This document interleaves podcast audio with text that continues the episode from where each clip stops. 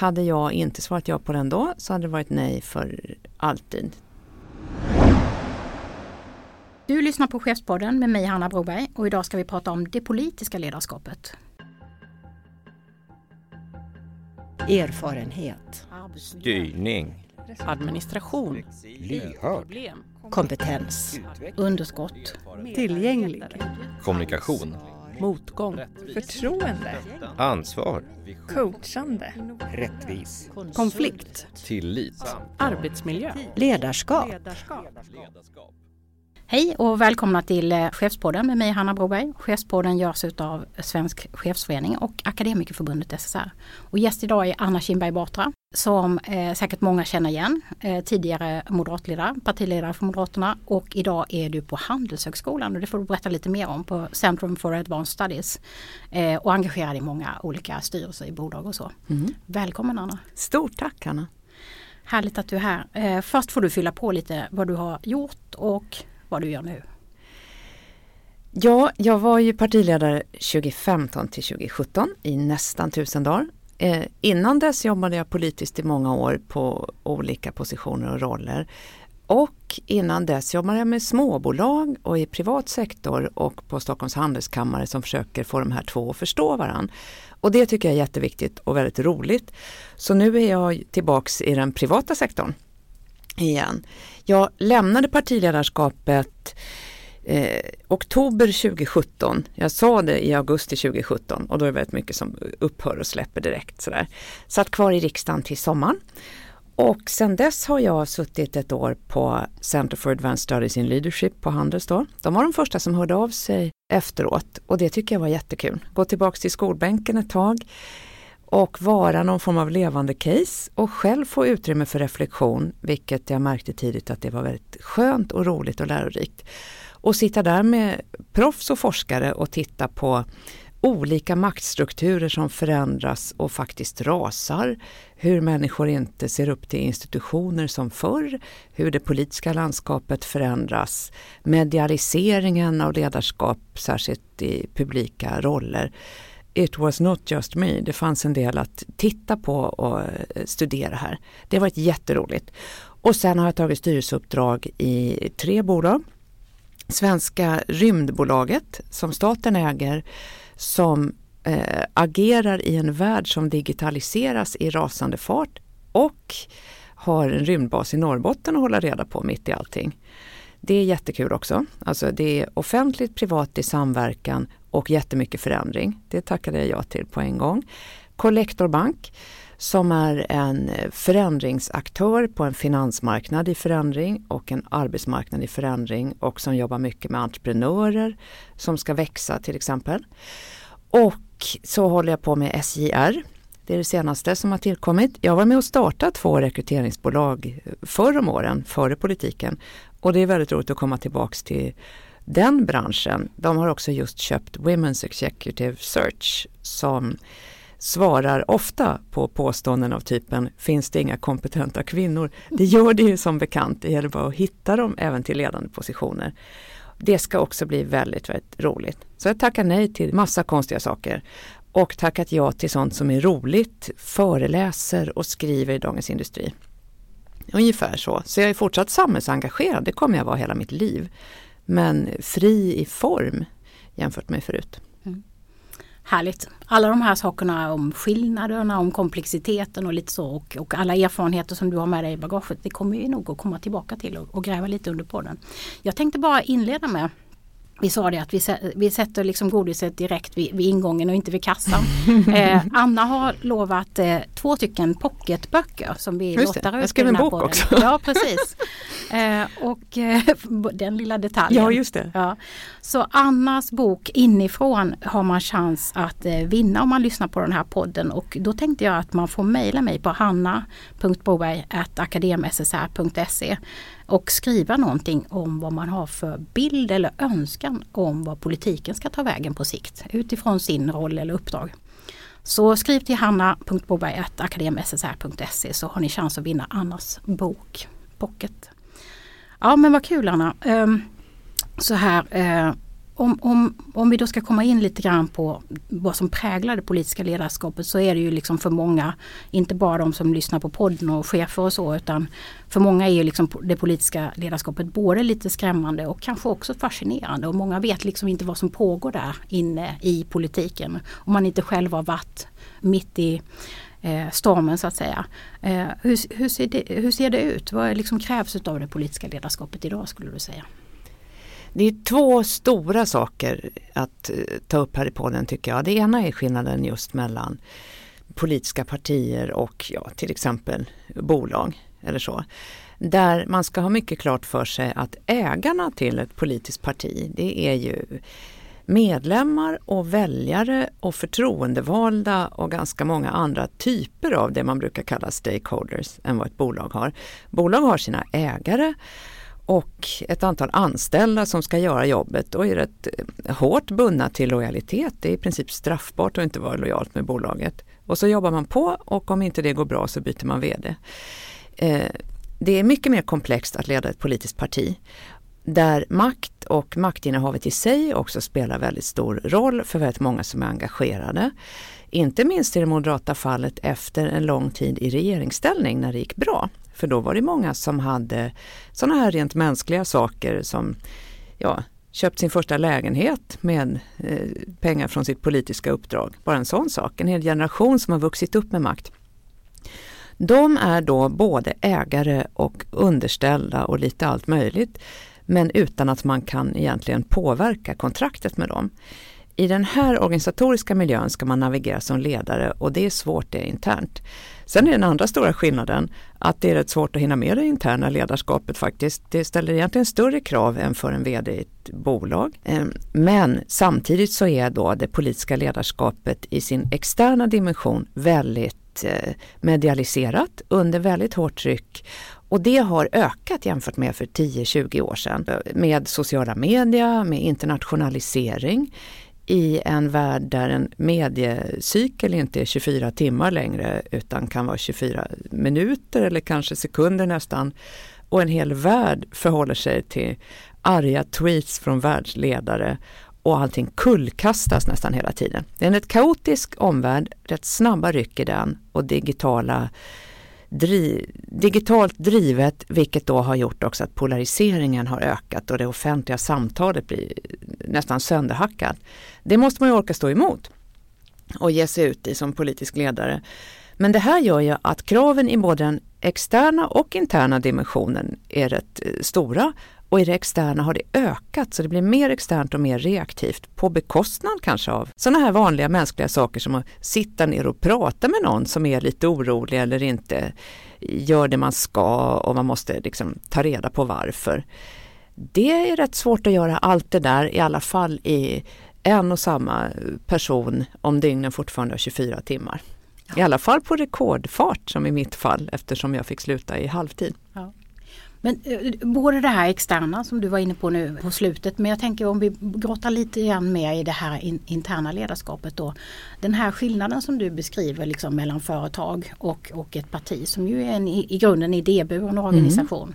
Mm. Eh, är man så medveten om den här logiken? För du brukar också prata om eh, att Moderaterna inte minst eh, ser sig ju gärna, speglar sig gentemot näringslivet och liksom tar gärna efter en hel del utav ideal och liksom logik och så som finns i, i näringslivet. Men i, i, i basen har man det här ideella som ger det där komplexa du är inne på att man är liksom både vald och uppdragsgivare och ja, allt möjligt eh, i sina roller. Är man medveten om att det där idéburna finns i organisationen också?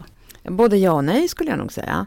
Å ena sidan är det ju fantastiskt och glädjen i att jobba politiskt är just det idéburna.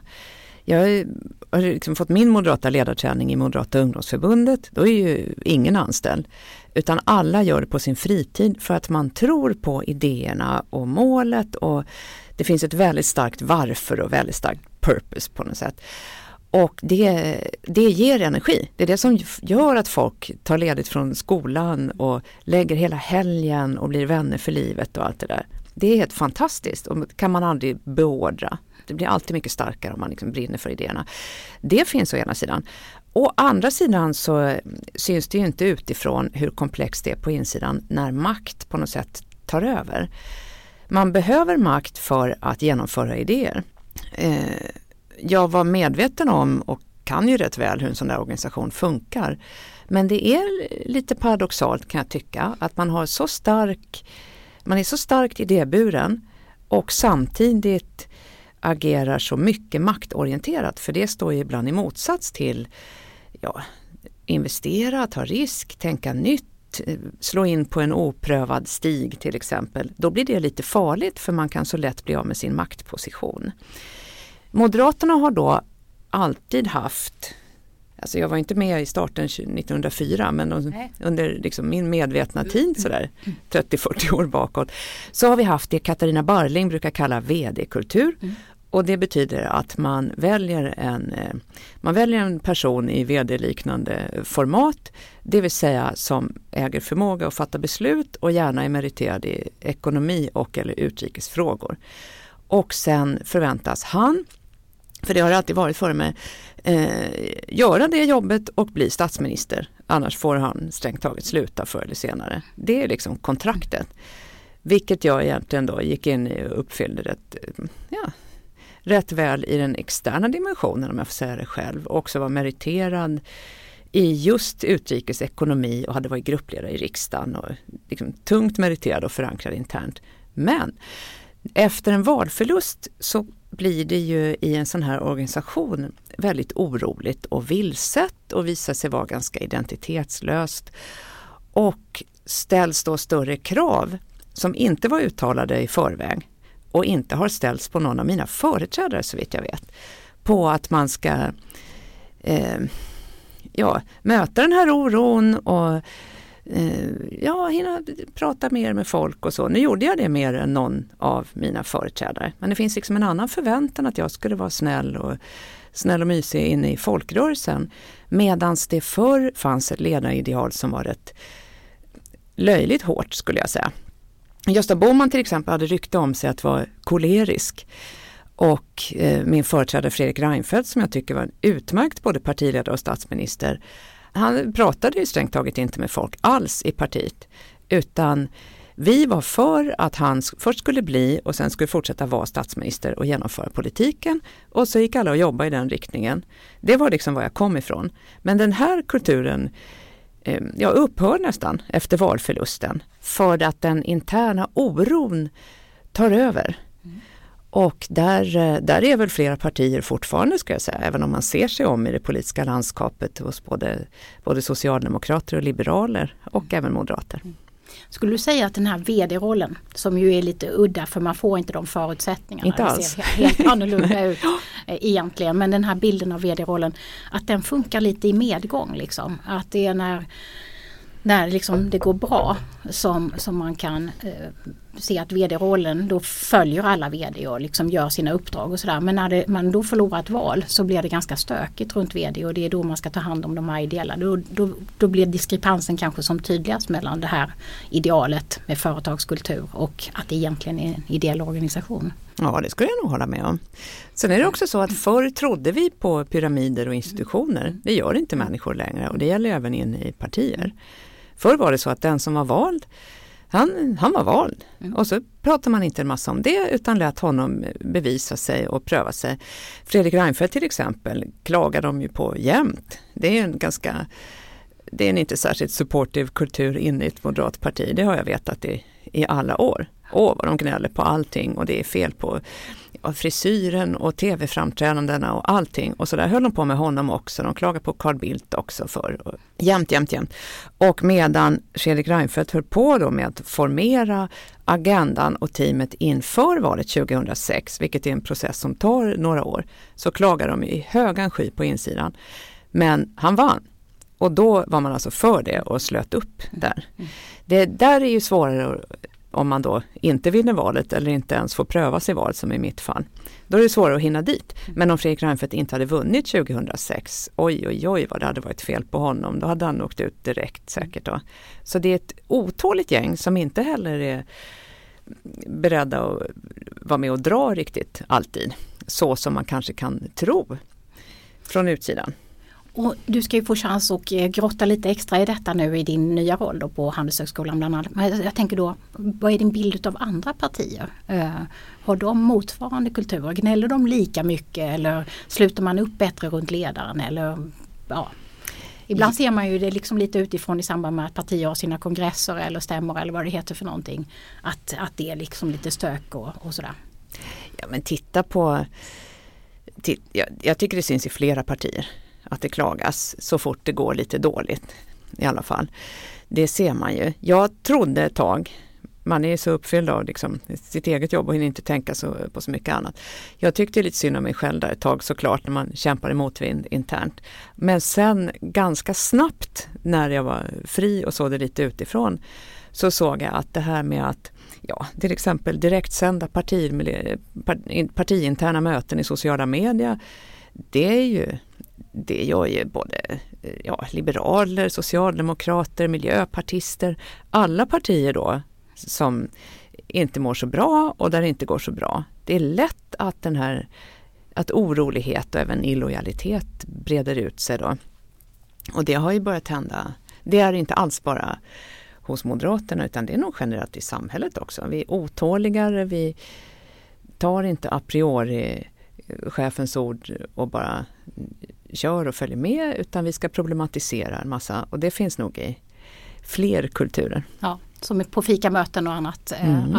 Ja. Jan Björklund skrattade ju lite själv åt det i något skede här och sa att vi är liksom Sveriges mest öppna parti. Mm. Och det, det, det ligger ju någonting i det. Men jag tänker också att partierna har ju också spelat med det på olika sätt. Jag tänker att väldigt mycket av eh, liksom politiken idag är ju som en del kanske uppfattar det spel, mycket utspel. Att man liksom lever med den här eh, media och, och eh, liksom eh, Eh, intresset eh, hos andra för de här konflikterna. Liksom. Eh, kan du säga lite grann hur det ser ut bakom kulisserna liksom, i politiken? Det här att vi har fått mer och mer utspel och, och liksom symbiosen lite som är med, med media och den här öppenheten har sina, har sina liksom önskade effekter men också negativa effekter. Alltså det är hårdare och på något sätt bredare konkurrens om makten över dagordningen och idéerna i samhällsdebatten och om man som parti ska vara med där och kanske och till och med sikta på att vinna den, som i vårt fall, då måste man alltså vara där. Det tycker jag. Och då ska man försöka vara långsiktig och göra rätt oftare än fel och sådär.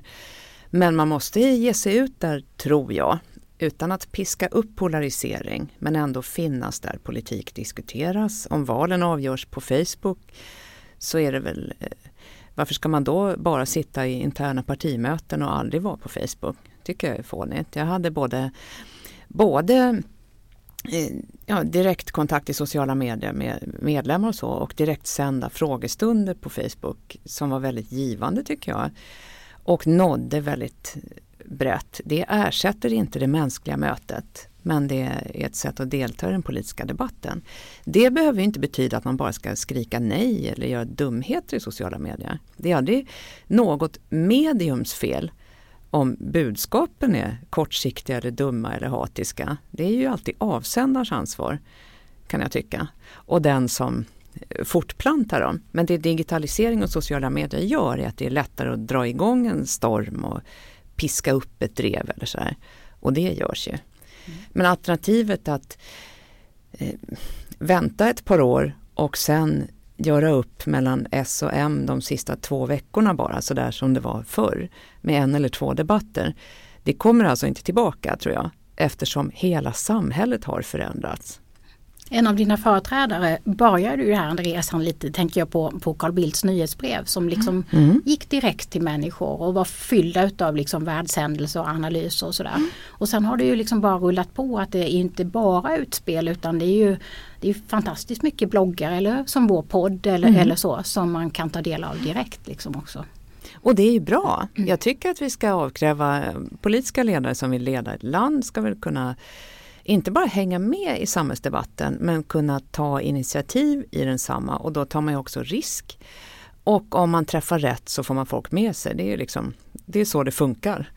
Och det är svårt det. Men att avstå från att försöka var inte ett alternativ för mig. Och särskilt inte om jag ledde ett av vadå, sex eller sju konkurrerande oppositionspartier. Mm.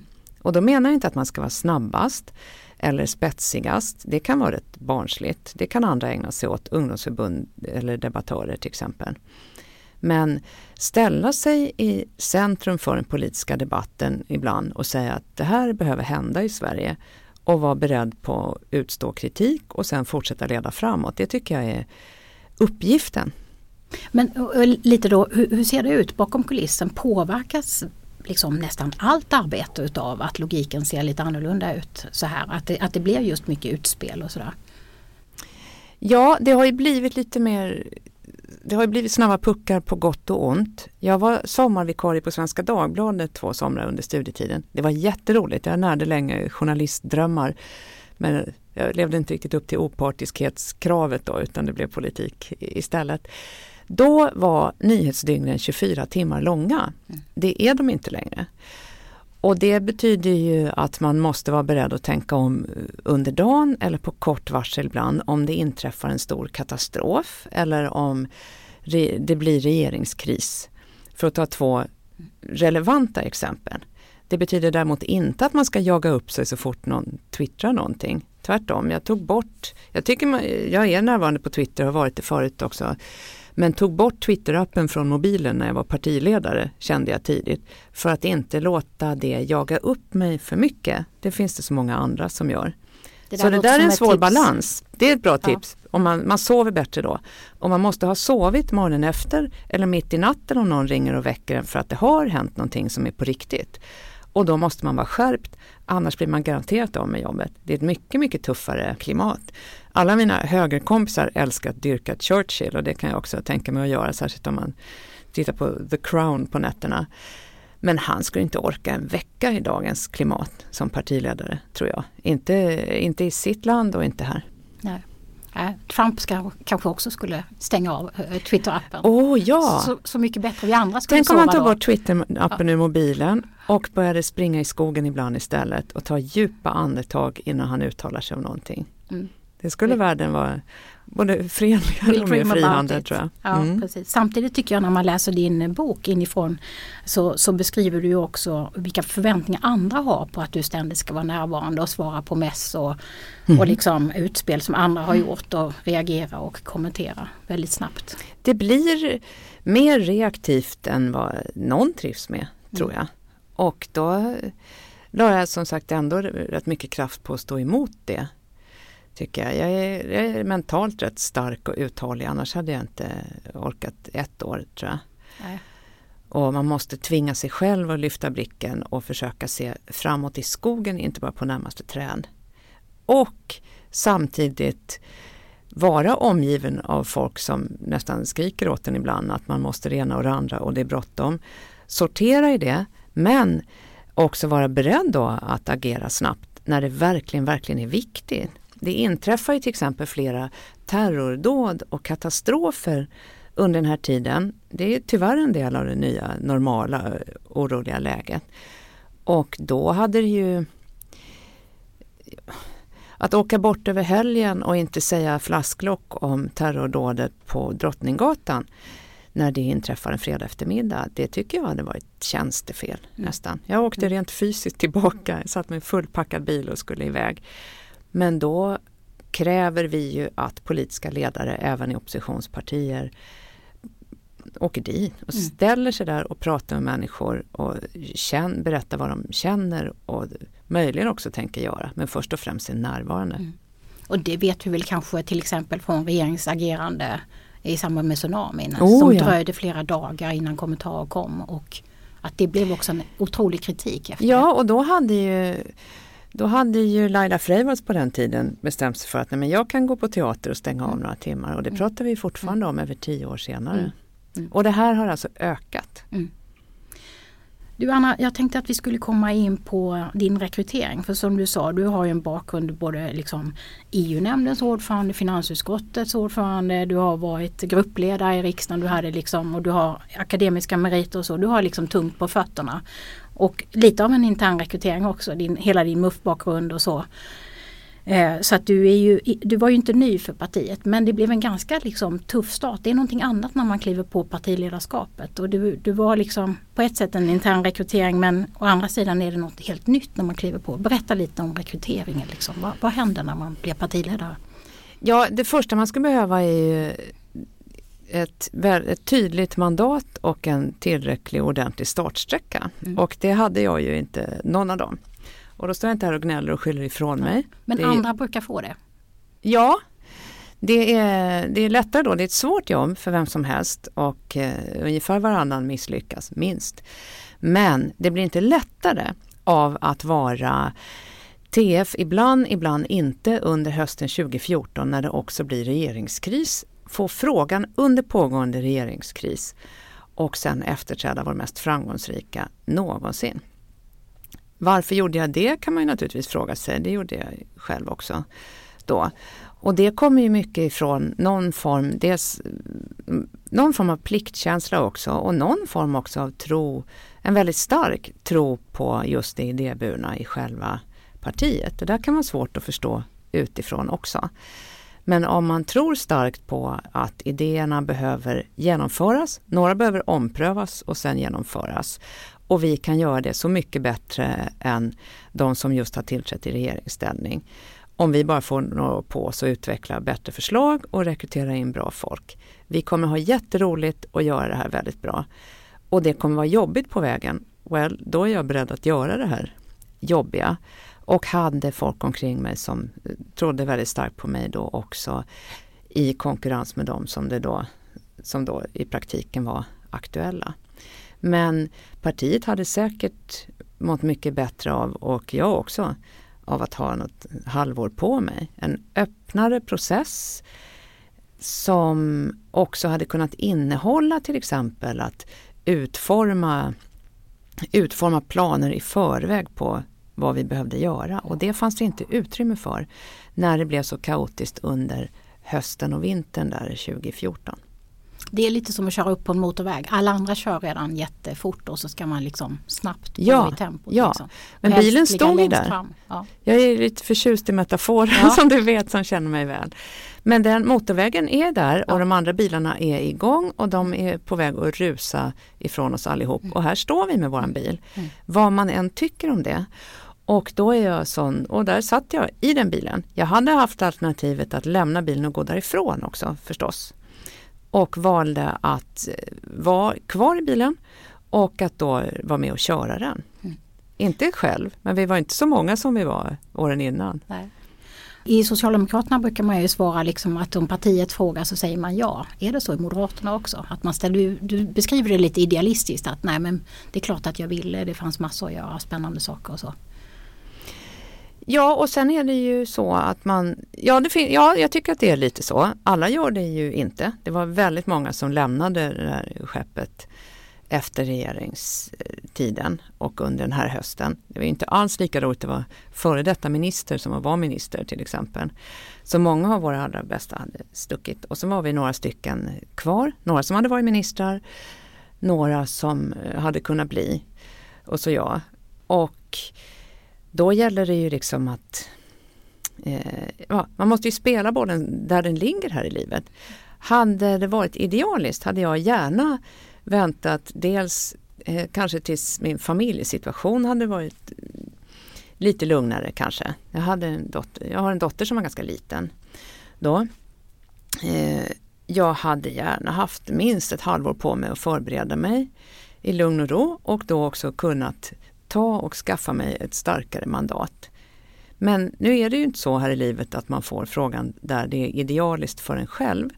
Utan man får ju alltså frågan när den ställs. Och hade jag inte svarat ja på den då så hade det varit nej för alltid, tror jag. Och det tyckte jag, det var absolut ett alternativ som jag tänkte på såklart. Men det var inte bättre. En fråga som, som ju liksom också tycker jag är viktig och som inte finns så mycket i din bok men som har kommit i, i många intervjuer som du har gjort. Det tycker jag är att du var den första kvinnan. Mm. Är det någonting speciellt i det här tycker du?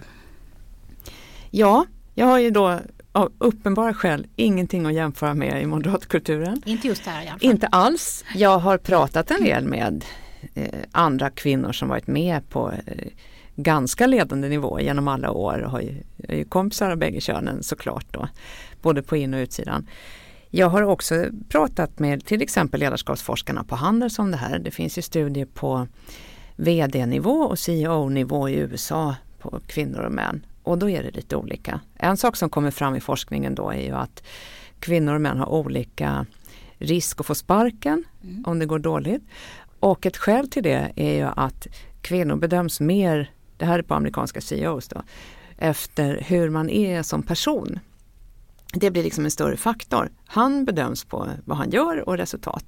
Och hon bedöms också på hur eh, hur hon är, vad har hon för personliga egenskaper, hur likeable är hon och alla möjliga andra saker. Och, så här. och det, det blir ju liksom ett raster till som läggs på bedömningen av en. Detta är också väldigt starkt i det mediala och externa. Så när jag agerar ungefär som högerledare ska, tycker vi i Moderaterna. Alltså fatta beslut, säger ifrån på skarpen mot kriminalitet, kritisera regeringen, vi tvingar två ministrar att avgå till exempel. Då är jag ju inte snäll. Nej, eh, det har ju ingen moderatledare varit eh, hittills någonsin överhuvudtaget. Jag sköter ju mitt jobb. Men det blir en annan diskussion om mig. Att jag, jag borde le oftare, fick jag höra. Jag, eh, ja, jag var inte snäll, jag borde le oftare, se lite gladare ut. var ett tips jag fick under våren 2017 när Sverige då eh, drabbas av ett fasansfullt terrorattentat. Och jag gick inte och tänkte på att se gladare ut då, det stämmer. Jag gick och tänkte på att sköta mitt jobb. Ja. Så det är intressant, man skildras på ett annat sätt. Om man jämför med USA igen så finns det vansinniga exempel om Donald Trump och Hillary Clinton. Man kan tycka olika om dem såklart, politiskt och på kampanjerna och allting. Men när jag träffade en republikan som berättade att han ogillade Trump så otroligt så passade jag på att fråga honom varför det gick som det gick ändå då 2016. Och han svarade direkt Hillary just wasn't likable enough, förnamn också. Nähä, sa but how likable was Trump? Med tanke på att det var ändå han som orsakar starka negativa känslor i hela världen har sagt I could shoot someone on Fifth Avenue and still get elected eller sådana saker. Grab him by the pussy och sånt. Not very likable to my mind, skulle, tycker jag. Did not. Ja, nej. Eh, och, men då byter, han, då, då byter han måttstock direkt och säger But people just wanted a strong leader. Och den måttstocken hade han ju kunnat mäta Clinton med och funnit en helt okej okay utrikesminister i världens enda supermakt i kristid som, gjort, eh, som inte verkar ha fått folk emot sig i tjänsten. Sen kan man ju dra en annan politisk slutsats i alla fall. Men han mäter inte henne med det. Utan han mäter ju henne med hur snäll och mysig hon är. Och då är det svårt att vinna, åtminstone om det är hårdare tag som krävs på jobbet. Då. Det är mycket, mycket mer om utseende och familj och allt möjligt sånt där. Mm. Som jag tonade ner väldigt mycket i början. Jag fick mycket frågor i början med så här, vad betyder det att du är kvinna till exempel, frågade journalisterna. Och egentligen hade man kunnat svara att jag blir eh, bedömd på ett annat sätt eller sådär. Men det vill inte jag säga för jag vill inte reducera mig till kön eller något offer eller något. Jag ville bara sköta mitt jobb. Så jag försökte hålla den eh, frågan så liten som möjligt. Men när man tittar på sen hur, hur de bedömer Fredrik Reinfeldt, Ulf Kristersson eller Stefan Löfven, om de säger något allvarligt om migration eller terrorism och har en mörk kavaj på sig. Då är det seriöst, ansvarsfullt eller till och med positivt. Och det är i sådana lägen som jag får en bild av att vara stram och tråkig och sånt där. Mm. Det, är, det går inte att förklara med något annat. Och när man lyfter upp det får man ju ofta höra nu drar de kvinnokortet så att säga. Liksom, och, och en del kritiserar det, det är därför jag höll tillbaka det också och inte ja. sa, gick och sa det själv. Nej själv kanske man allra minst kan säga det. Går det. inte. även Stefan Löfven fick ju den kritiken och han kanske också gjorde det nu att han drog kvinnokortet mm. med Annika Strandhäll. Men, mm. Så att det, det, är någonting ganska negativt men någonting viktigt att prata om och jag, jag tänker när jag läste din bok så, så började ju Theresa May eh, köra igång den stora Brexit-processen. Den är ju helt omänsklig den hon har gått igenom om man tänker efter hur det, hur, hur det skulle vara att traska runt i hennes skor. Alltså där- jag känner genast att jag skulle jag var ganska glad som fick vara moderatledare i kristid jämfört med att ha hennes jobb de Ja. här åren. Jag tror att de flesta känner så men jag tycker där är det också väldigt mycket kommentarer kring henne om liksom när hon har haft eh, problem med rösten eller liksom hur, hur grå eller eh, liksom trött eller, eller liksom inte amper och tuff och så utan liksom lite eh, ja. Han har beskrivit henne som skadskjuten nästan hela tiden genom den här processen. Mm. Oh ja. Och nu en av de senaste veckorna här när de skulle skriva en lång artikel om hennes gärning och hennes avgång såg jag en stor bild på skor. För hon är väldigt intresserad av skor. Och varför vet jag det? Jag har träffat henne men vi har inte pratat om skor. Vi har pratat om så här Europa och våra partier och sånt där. Men det blev liksom en grej som hon blev känd för. Och sen blir det grejer om hur, ja, men hur glad ser hon ut och hur stark är hon och sånt där. I, när hon tar sig an en uppgift som många andra flyr ifrån. Av, och de, de som flyr har väl sina bevekelsegrunder. I några fall är det nog att omsorgen om egot är större än omsorgen om både landet och partiet. Och jag tycker det hedrar henne att hon tog sig an att försöka. I hennes fall så tror jag kanske uppgiften var hopplös. Men hon kanske inte kände det där och då. Eller kände att hon måste. Mhm. Ja, pliktkänsla. Jag, jag, jag, jag tänker att det, eh, för det finns en, en kul film på Youtube där hon liksom smäller igen dörren efter sig på 10 Downing Street och sen liksom bara får ett utbrott. Liksom. Det, Ja, jag har sett den. får Den ni är googla. jätterolig. Och, man förstår det verkligen omänskliga i det upp, den uppgift hon har. Det är väldigt uppoffrande tycker jag, den här liksom ledarrollen. Hur skulle du liksom beskriva det? För du, det såg man ju i ditt avgångstal också. Du fick liksom samla verkligen kraft för att liksom göra den här prestationen, den här sista viktiga. Eh, men, men hela, liksom flera dagar i veckan måste vara så pass tuffa med olika situationer. Det, det, det är en uppoffring. Vad, vad krävs för att man ska göra detta? Inre kompass och inre styrka och några stycken som man kan prata om allt med och lita på. Och som man vet inte eh, ja, håller på med massa annat. Och det, är en ganska, det, blir en, det blir ganska få. Och det berättar ju alla möjliga tidigare partiledare oavsett parti också. Det är så många andra som har annat i sikte och andra dualiteter eller tror man är smart och rolig om man läcker till media och så. här.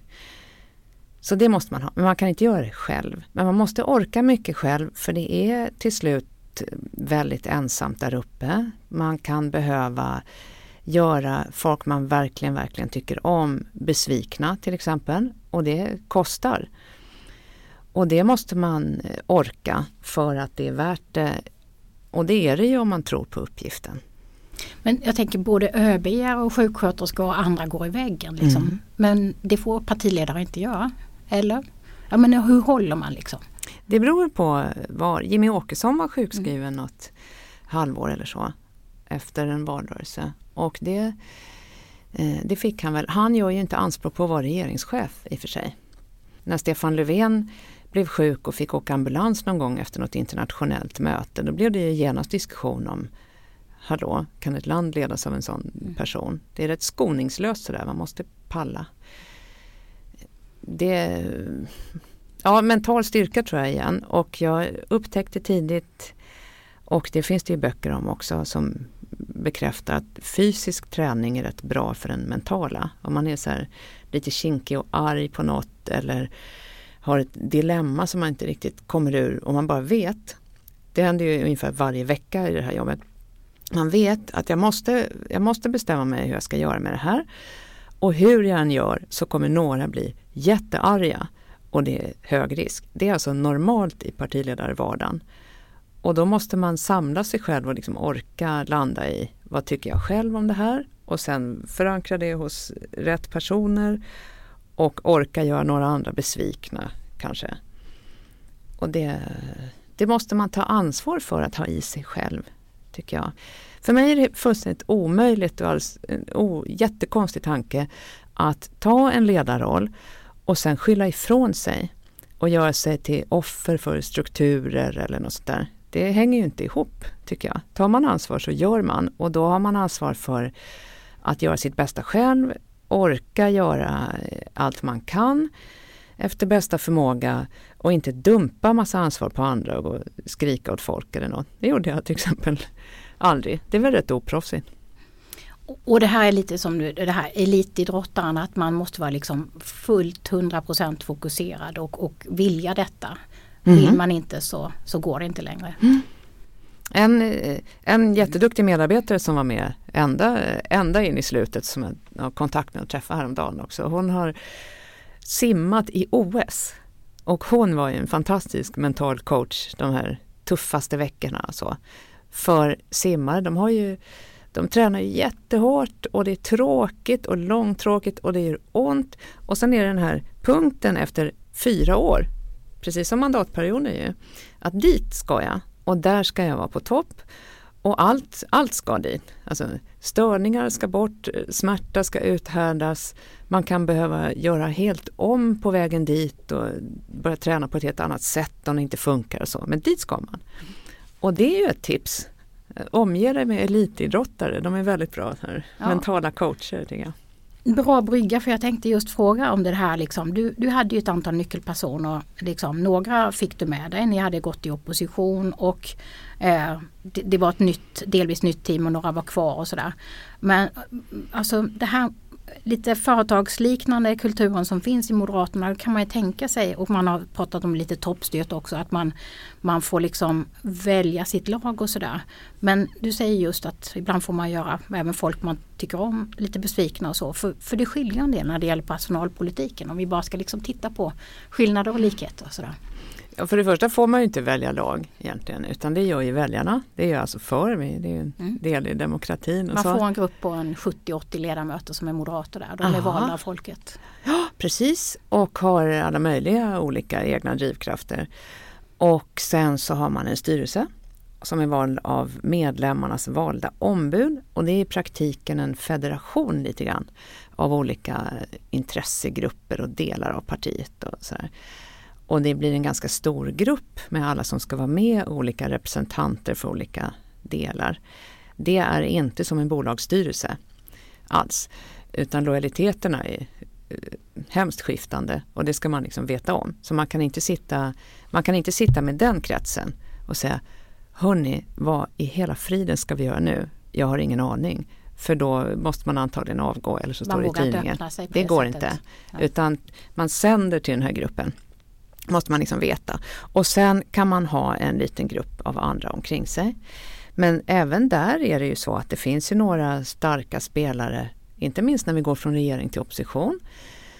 Eh, det finns ju några stycken som hade kunnat tänka sig ta mitt jobb men inte där och då. Som har tung erfarenhet, egna ambitioner och som man ändå måste hålla reda på lite grann och ha i sin närhet tyckte och som jag. Behöver också. Och som jag behöver, som också är de bästa vi har på sina ämnen och områden och populära i partiet och så. Och de valde jag att ha med. Och då vet ju jag att det här är inte mina, det är inte mina familjemedlemmar det här. Utan det är en väldigt bra grupp men den har också begränsningar i det här. Att det kan även i en ledningsgrupp då bli andra lojaliteter och i det här fallet blev det lite, lite tyst när det gungar för mycket under mina fötter. Och det här vet man ju om så det är ju några stycken, det är några man har ännu närmare så att mm. säga. Eh, och de är ju goda vänner än idag. Jag tänkte vi skulle avrunda med ett par, par liksom lite spaningar. Vad tror du liksom politiken är, är på väg? Eller vad, Alltså den här polariseringen som vi ser, vi har sett den i USA, den kanske delvis kommer till Sverige också med det här höga tempot som är och utspelen och så. Polariseringen, är det den eller kommer det bli en motreaktion eller vad tror du liksom politiken är på väg? Ja, när vi har det här samtalet så är ju då Donald Trump på väg till Europa som eh, håller andan för han åker till London som är Brexit-kaos förstås och det har just varit val till Europaparlamentet och då kan man ju titta på den lite större bilden och se att det är ju inte bara i Sverige som de gamla maktpartierna har problem och polariseringen har ökat och extremare röster vinner mark och det är samtidigt är klimatfrågan högt på agendan och många efterfrågar positiva visioner också. Det är ju liksom i rörelse och hårt polariserat och lätt att bli nedskjuten.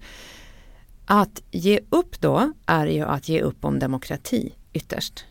Utan jag tror att det inom ett par år ändå finns utrymme för och efterfrågan för ett ja, sundare och mer inkluderande politiskt ledarskap.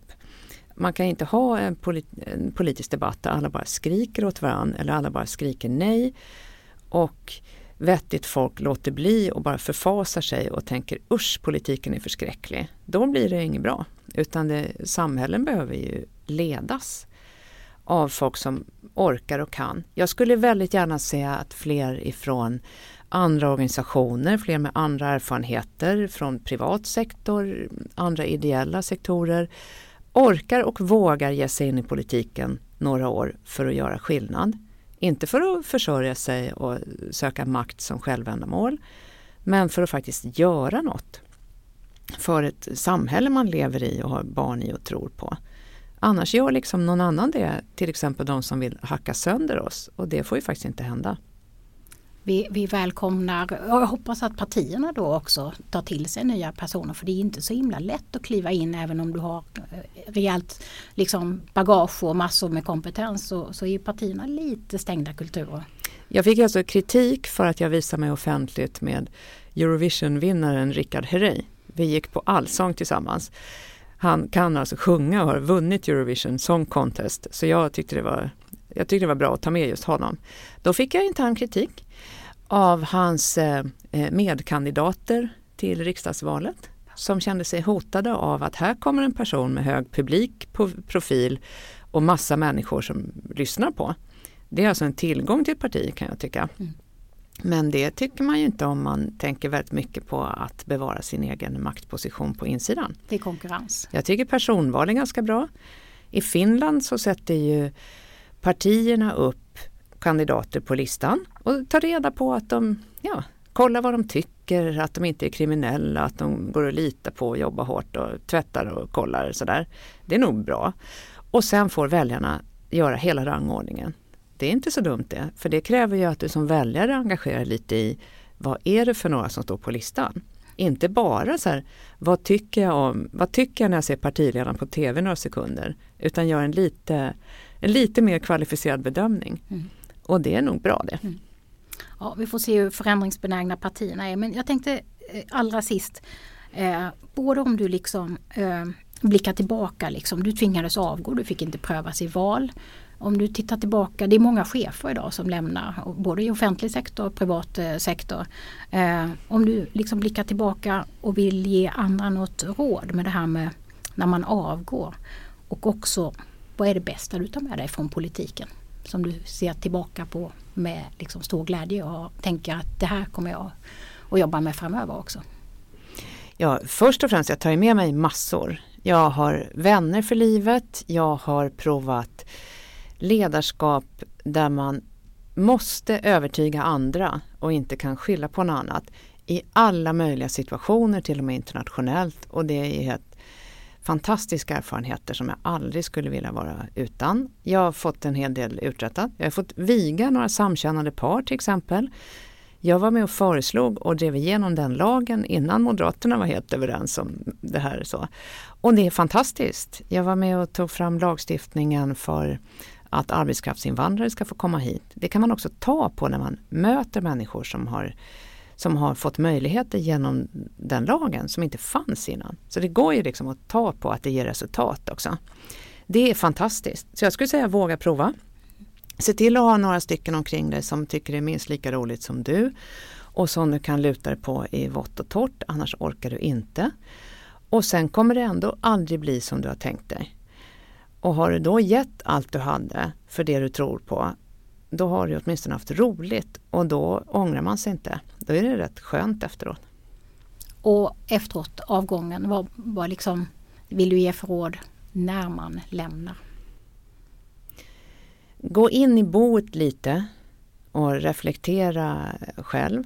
Jag satt och pratade väldigt mycket med både vänner och nära medarbetare och även professionellt bara få ur sig man måste ta reda på vad som har hänt och varför för sig själv. Inte gå ut och fäkta vilt omkring sig. Jag, var lite, jag ville inte delta i offentliga debatter och sånt där till exempel innan det hade gått ett bra tag och jag känner att jag, jag har landat och står stadigt på mina egna fötter. Annars är det inte bra för någon att jag fäktar vilt omkring mig och bara verkar tjurig. Nej, det mitt liv innehåller så himla mycket annat än det här. Jag hade saknat resten av livet måste jag säga. För det, det kräver ju det är väldigt roligt att jobba för det man tror på men för att orka, åtminstone nu för tiden och om man också har familj, så är det bara det som gäller. Jag fick barn 2006 och politiksatsningen råkade komma samtidigt eftersom det var då vi vann valet. Passar inte heller i livet egentligen. Men det gick ju ända hit om, det, om jag bara gjorde det. Alltså bara familjepolitik och bort med allt annat. Inga hobbys, inte så här börja rida igen eller ja, hålla på med musik igen eller sånt där som jag har gjort när jag var yngre. Så. Utan bara det här och väldigt mycket annat man inte hinner med. Träffa kompisar i lugn och ro till exempel. Och det hade jag verkligen saknat och har njutit av att göra mm. efteråt. Så kan man också skriva en bok mm. och den har man chans att vinna. Om du mejlar till hanna.broberg.akademssr.se så kan du vinna en av Annas böcker som vi lottar ut och skriv gärna någonting om din syn på politik och vad du liksom har för önskningar om vad politiken skulle ta vägen, både hur ledarskapet borde se ut. Eh, så kanske vi kan göra något trevligt av dina tankar också. Kul! Tusen tack Anna eh, för spännande samtal om det politiska ledarskapet, eh, jämförelserna med, med övrigt ledarskap. Lycka till! Tack! Vi eh, sänder en ny chefspodd om ett par veckor. Du hittar den på olika eh, ställen där man har poddar, Spotify också till exempel. Tack och på återhörande.